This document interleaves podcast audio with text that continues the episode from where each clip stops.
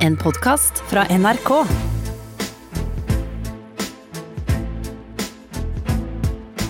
Trump mot verden med Gjermund Eriksen og Sean Henrik Matheson. Hei og velkommen til Trump mot verden. Eh, ekstra touchdown, som jeg tror vi skal kalle det. I eh, litt uvante omgivelser. Sean og jeg har jo prøvd å få tak i folk som kan fortelle om hvordan presidentvalg og presidentvalgkamp er mye mer enn bare to kandidater som møtes og en avstemning. Og i dag har vi fått tak i en av mine store idoler. Som har jobbet både som manusforfatter, reklamemann og kommunikasjonsekspert, men aller viktigst vært sjefstrategen til presidentkandidaten Mitt Romney eh, i 2012. Eh, og i, der boksekamper varer i tolv runder, eh, så varer en presidentvalgkamp i hvert fall 18 måneder. Eh, og det er utrolig mange baller man må holde i luften, og det er veldig mange møter og veldig mange mennesker og veldig mange delstater. Og Stuart Stevens, som han heter, leda det i 2012 til et ganske jevnt kappløp med Barack Obama. Vi har løfta han fram i podkasten vår flere ganger som eksempel på republikanere og republikansk tenkning som vi syns har vært imponerende, og som vi ser på som en god kommunikasjonsmann. Uansett jeg tror ikke han kan norsk, så jeg kommer til å switche til engelsk. Og så får vi se åssen det intervjuet går. Jeg er nervøs, så prøv å krysse fingrene for at dette går bra.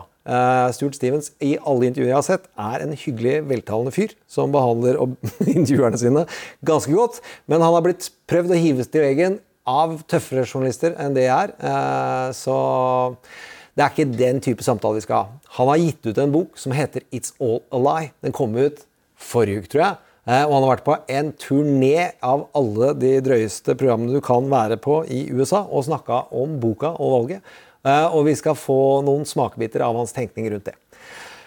Jeg ønsker meg lykke til. Trump mot verden. Okay, so uh, then we switch over to English. I have done uh, introduction of Stuart Stevens and his book. It's all a lie. That was all over the American media channels last week, and I want to really give a warm welcome to Stuart Stevens and start off with uh, you know things about Norway, don't you, Birke Beiner, skier you? Well, I'm a huge uh, Norwegian fan from long standing. I have an obsession with uh, cross country skiing. And uh, the first time I came to Norway actually was to do the Birkebeiner uh, when I was skiing all 10 of the Worldloppet races in one year for a film for National Geographic. And I really fell in love with the country. And I've tried to come back as often as possible. Though I have to confess, I also go to Sweden a lot, but don't hold that against me. Uh, we won't. A lot of Norwegians do. But uh, let me start because, yes, Kamala Harris was chosen this morning. Uh, last, well, I reckon it was on Sunday. You told about your VP picking experience where you were kind of involved, at least you uh, had some touch points with W. Bush back in uh, when he was doing his pick, and you had some opinions about how uh, Mitt Romney picked his VP candidate. Would you describe that to us? Sure. You know, in 2000, I was working for then Governor Bush's campaign, and we would uh, go out to his ranch in Crawford, Texas, where we would do debate prep in the summer. Um, and he loved to go running in the middle of the day when it was like 35 degrees centigrade. And I wanted to push uh, a guy named Tom Ridge, who was governor of Pennsylvania, for vice president. So uh, the governor and I and another colleague of mine were running, and I asked him, I said, Governor, would it be appropriate if I talked to you about the vice presidential pick? And without missing a beat, he just said, Hell no, why should I care what you think? um, my friend fell down laughing. And then later he said to me, he said, Look, Stevens, let me give you some advice. When a guy's getting married, wait until he asks you what you think of his fiance before you tell him, which I thought was like pretty good advice. So he then picked, uh, he made a very specific kind of choice when he picked Dick Cheney, uh, very much a governing choice. So when uh, Governor Romney was picking a running mate, he picked Congressman Paul Ryan, Yeah. which to him, uh, I know was very much a governing choice. Mhm. Paul Ryan uh, had been in Washington as a congressman, later became Speaker of the House. He knew how Washington worked. Governor Romney came out of uh, the only other political job he'd ever had was governor, chief executive, very different kind of uh, role. So um, he wanted someone who could help him get things done. And he had very good personal chemistry with Paul Ryan, who's a very likable, smart guy. What do you think of the, the pick of Kamala Harris?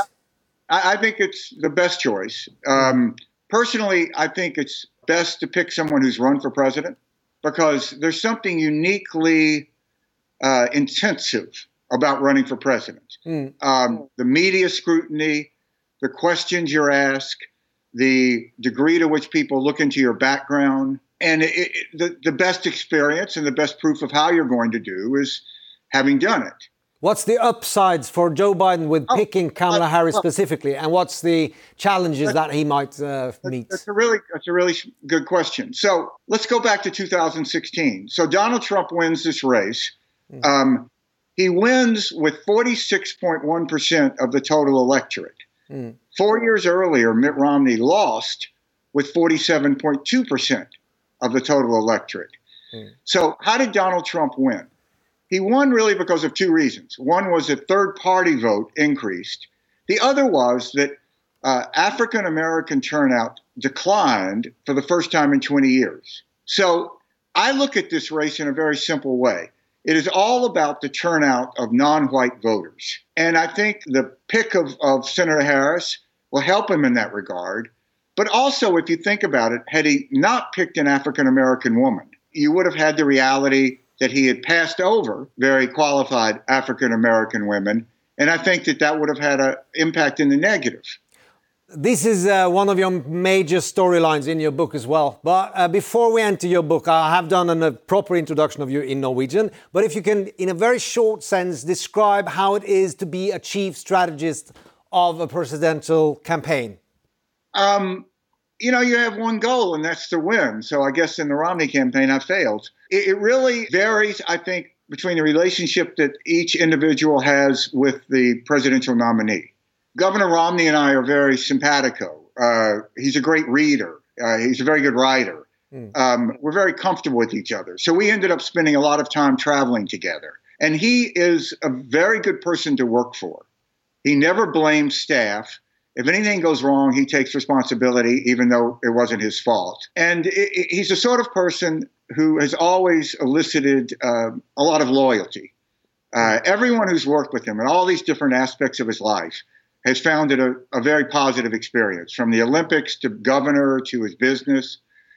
So um, I think that he and I could talk to each other, and I, I think he, he, has a very Socratic way of trying to solve problems. Yeah. Let me argue this one way, and you argue the other, and then I'll argue it this way, and you argue the other. And out of that will evolve what is the best strategy. Trump mot verden. Let's dive into your book uh, that I had the pleasure of reading or getting read to. Uh, the audio version is, uh, is very nice. Uh, uh, this weekend, and I've pretty much gone through it one more time. Uh, there's two major choices in the book. One thing is that uh, it's a mea culpa. It is your story of how you contributed to something you're not necessarily proud of, and it's a degeneration plot of the Republican Party from 1960s till now, as you see it. Uh, we're not doing the debate on how, if we have different right. opinions about that. I'm from Norway, so uh, we lean a bit to the left side. Uh, but in that book, you have an opening story, your origin story when you entered campaigns. Uh, can you please take us to, into where you were and what was your first gig and uh, how that had to do with your major storyline in the book? Yeah. So, you know, I grew up in Mississippi uh, in the civil rights era, sort of the Mississippi burning days, where uh, race was um, the greatest issue. I had worked as a high school student in a congressional office and the congressman that I had worked for was now running for the U.S. Senate, which is a statewide office. His chief of staff was running for his office in Congress. So he was running against a very powerful senator's son. Nobody thought he could win. Um, I was in film school then at UCLA, and he called me up and said, I can't afford to hire anybody. You have to make commercials for me. And I said, Well, that's great, except I don't know how to make commercials. And he goes, It doesn't matter. So I ended up making commercials for him. And what became quickly apparent was uh, there was a Democratic candidate who was white. I was working for the Republican who was white. And there was also an independent candidate who was African American. And uh, when you looked at the polling, it was clear that 90 plus percent of the African Americans were either going to vote for the Democratic candidate or the African American independent. So it didn't take brilliance to see that it would be in my candidate's best interest if those African American votes went to the African American independent, who was not going to win the race, versus then going into the total uh, to help the Democratic. So I, I, did this commercial, which I thought was very clever at the time. Um, there was basically like a voter public service spot that here had pictures of all 3 mm-hmm. So you had, you know, this is a Republican candidate. He was obviously white. This is a Democratic candidate. He's obviously white. This is an African American independent uh, who could be the first African American congressman uh, in 100 years from Mississippi. Mm. So um, the purpose of it was to inform African Americans that there was an African American in the race. Now, at the end of the day, my candidate won with just a little over 50% of the vote. Mm. So you can argue that we would have won without that. But it was a real lesson in just how much race so often in our politics is the key in which the politics is played. For the Norwegian audience, I, this is about splitting the Afro Americans' vote, and it's about voter suppression, demobilizing and demotivating is a through line in your book, yes. where that everything in American politics, also presidential politics, have been about race from the 1960s until obviously where we ended in 2016. Uh, you have some, well, anecdotes that are famous to American audience about Lee Atwater when he spoke the truth about the Southern strategy. That was all about code words where you used to use the yes. N word in the 60s and then you use other words in the 70s and then I have two dimensions I think it's good for the Norwegian audience to hear about. Uh, Ronald Reagan used race to get elected, which way, well, we're on the left side in Norway, so Ronald Reagan is debatable for uh, us. Uh, and Bill Clinton used it. So, how would you describe how Ronald Reagan used it to be elected? And what about Bill Clinton? It really goes back to the 1950s. So, uh, Dwight Eisenhower uh, when he was running for reelection in 1956, he got almost 40% of the African American vote. So uh, eight years later, Senator Barry Goldwater of Arizona was the Republican nominee. He was against the Civil Rights Act. He only got 7%. So think about it. You go from 40 to 7% in eight years. And those African Americans never came back to the Republican Party. And for a long time in the Republican Party, we were very aware of that failure, and we were open uh, to admit that it was a failure, and admitted we had to try to do better in various ways. Um, there was a famous political memo written in the Nixon White House that described, for his reelection, the plan to try to get African Americans to, to uh, either vote for an independent candidate or to lose confidence in the Democratic candidate and not turn out to vote. Mm. It was sort of the original blueprint of what became known as the Southern strategy when a lot of formerly Southern Democrats became Republicans.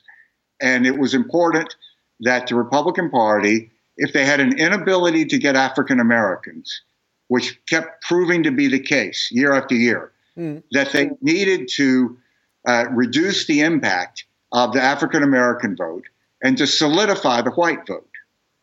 So, under that, then out of that comes sort of a racial uh, thread in the politics. And in a way, you could look at it as a business. If 90% of your business is coming from one market, you're going to get good at that market mm. and probably not very good at talking to the other 10% because it doesn't matter as much. So, um, this was used in very overt ways and in subtle ways. So, one of the code words that people used to talk about race was the issue of welfare. Yeah. Because there was this impression that welfare was this social program that existed to disproportionately help African Americans. Mm. And there were all these hardworking white people who were supporting these black people who didn't really want to work. Mm. Now, in fact, there's a lot more white people on welfare than black people. Uh, it was a complete myth, but it became like an accept a, a, a code word. Um, so Ronald Reagan ran against welfare queens, they were called, and he used a story of a, of a woman in Chicago who had famously used all these false IDs so that you know she was making lots of money in welfare without working.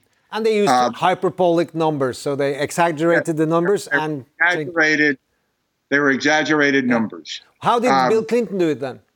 Well, Bill Clinton. So if you go to 1988, Michael Dukakis loses a big election. Mm. So when Democrats, he was a Democrat nominee. When Democrats looked at why Michael Dukakis lost, the pretty much universal conclusion they came to was you needed a nominee who could appeal more to moderate to conservative white Democrats. So Bill Clinton, who was governor of Arkansas, ran uh, with a famous phrase he used, we will end welfare as we know it, mm. which became like welfare reform. And the slogan, uh, new kind of Democrat or something that you write about. Himself a new kind of Democrat, which really meant he was more conservative. Yeah. He was death, the death penalty. Yeah. He was going to uh, end welfare as we know it. And so what, what happened, I mean, when Bill Clinton became president, he did pass welfare reform. Mm.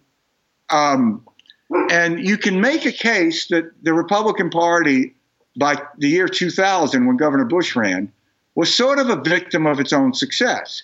Because what had been the big principles, uh, themes of the Republican Party? One was the Cold War, yeah. standing with Russia. We had, let's say, we'd won the Cold War. One was welfare. Well, Bill Clinton instituted welfare reform. Another was the issue of crime. And crime steadily declined in the 1990s yeah and has continued to decline. Crime, violent crime in America is 50% less than it was 40 years ago. So you, you have this problem that the, the party was really sort of a victim of its own success. And I think that led Governor Bush, when he was running in 2000, to really try to examine what it was to be a conservative in a new era. Yeah. You write about that, about compassionate conservatism, and that you yeah. saw some hope, and that he's turned into a wartime presidency with 9 11. And there's where there's some, well, you saw some light, and there might have been hope for the degeneration yeah. plot of the drama about the GOP. But after that, everything is pointing towards we are today. In that way, the GOP wanted Donald Trump, and Donald Trump didn't create GOP. Uh, GOP created itself to be the perfect platform for Trump. There are some core dogmas that you sum up and say it's all a lie. What are those dogmas? Well, back in the dark ages, let's say four years ago, um, we would have said that the Republican Party had a uniformity of uh, opinion of uh, key, certain key issues. Mm. Uh, one would have been the importance of character. Character counts. Another would have been uh, the concept of per- taking personal responsibility. Another would have been strong on Russia. Another would have been the national debt is important, physical sanity. Mm-hmm. Another would have been free trade. Another would have been uh, pro legal immigration, very strongly. Yeah. Ronald Reagan yeah. announced in front of the Statue of Liberty. He signed a bill that made everyone in the country before 1983 legal. So now with Donald Trump, as far as I can tell, it's not that we've kind of forgotten these issues. We're completely against these issues. You know, people look at Donald Trump and they say, well, character doesn't really count. So that's that, that, that's like the, the core part of your story, your book. It's all a lie. It's a personal telling of your experience of you yes. and the GOP throughout the um, well, just proving that all these dogmas, all these principles, those were not uh, uh, deep at all. It was all about power, and there's no ideological core left for you. If I can turn to, you have joined the Lincoln Project. Uh, yes. I don't know when that happened, but we talked about you in our podcast. You were obviously writing a book. We were missing you after you you ran the Bill Weld uh, campaign for a while, and then you come out and you're part of the Lincoln Project. We know that they started out and tried to be well, let's see how big this can get. It has grown out of the proportions that they thought of. Uh, we have talked about uh, Rick Wilson has went through the messaging strategies. It's all about getting into Donald Trump's head.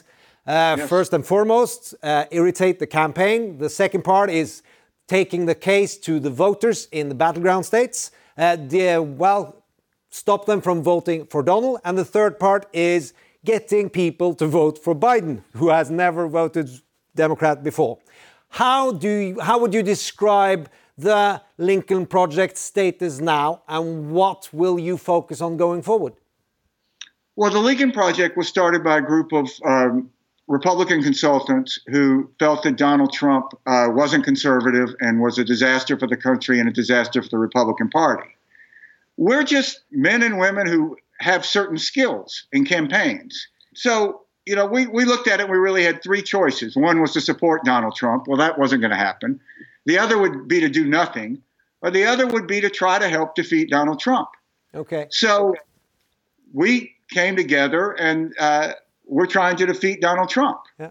When you've when you've done this battle and you probably let's say uh, win this war, uh, you wa- you had said you need to win with seven percent to be well make a clear victory and try to dismantle Trumpism. Uh, what will the Lincoln Project turn out to be? Uh, speculation is the Lincoln P. Is that going to be a Lincoln Party ever? Oh, I, I think it's very difficult to start a third party in America. How about rebranding? It, it, you know, we want to be a force for what we would call pro-American democracy. Yeah. We want to try to represent what we feel is the core of uh, the American experiment. Um, and what world we wake up in on November 4th, I think, will have a large degree to determine um, the path forward. I mean, Donald Trump is behind now, but Donald Trump could win this race. Yeah. I mean, it, it's You're not complacent. You're fighting. no, we, we, in fact, we're putting up a new advertisement today that talks about not being complacent, Yeah. um, the need uh, to continue. Um, it's very, very difficult to beat an incumbent president of the United States. Mm, and you know. what- yes, and with Donald Trump, what you have to understand is there is nothing that Donald Trump won't do. I mean, if you said to Donald Trump, "You can be president of the United States, but it will destroy American democracy," I think his answer would be, "What's the catch? Yeah. I know. Why is it a problem?" Uh, Stuart Stevens, I'm in the big uh, newsroom in NRK, the biggest public broadcaster, so they are about to throw me out. Thank you so much for uh, you. being part of our podcast. Uh, it Was All a Lie is the book, and you will probably be a spokesperson in tons of different medias from now till November. Am I right? Um, we'll be out there. We're not going to be quiet. Yes. Thank you so much. Uh, looking forward to uh, seeing you again. Du har hørt en podkast fra NRK. Hør flere podkaster og din NRK-kanal i appen NRK Radio.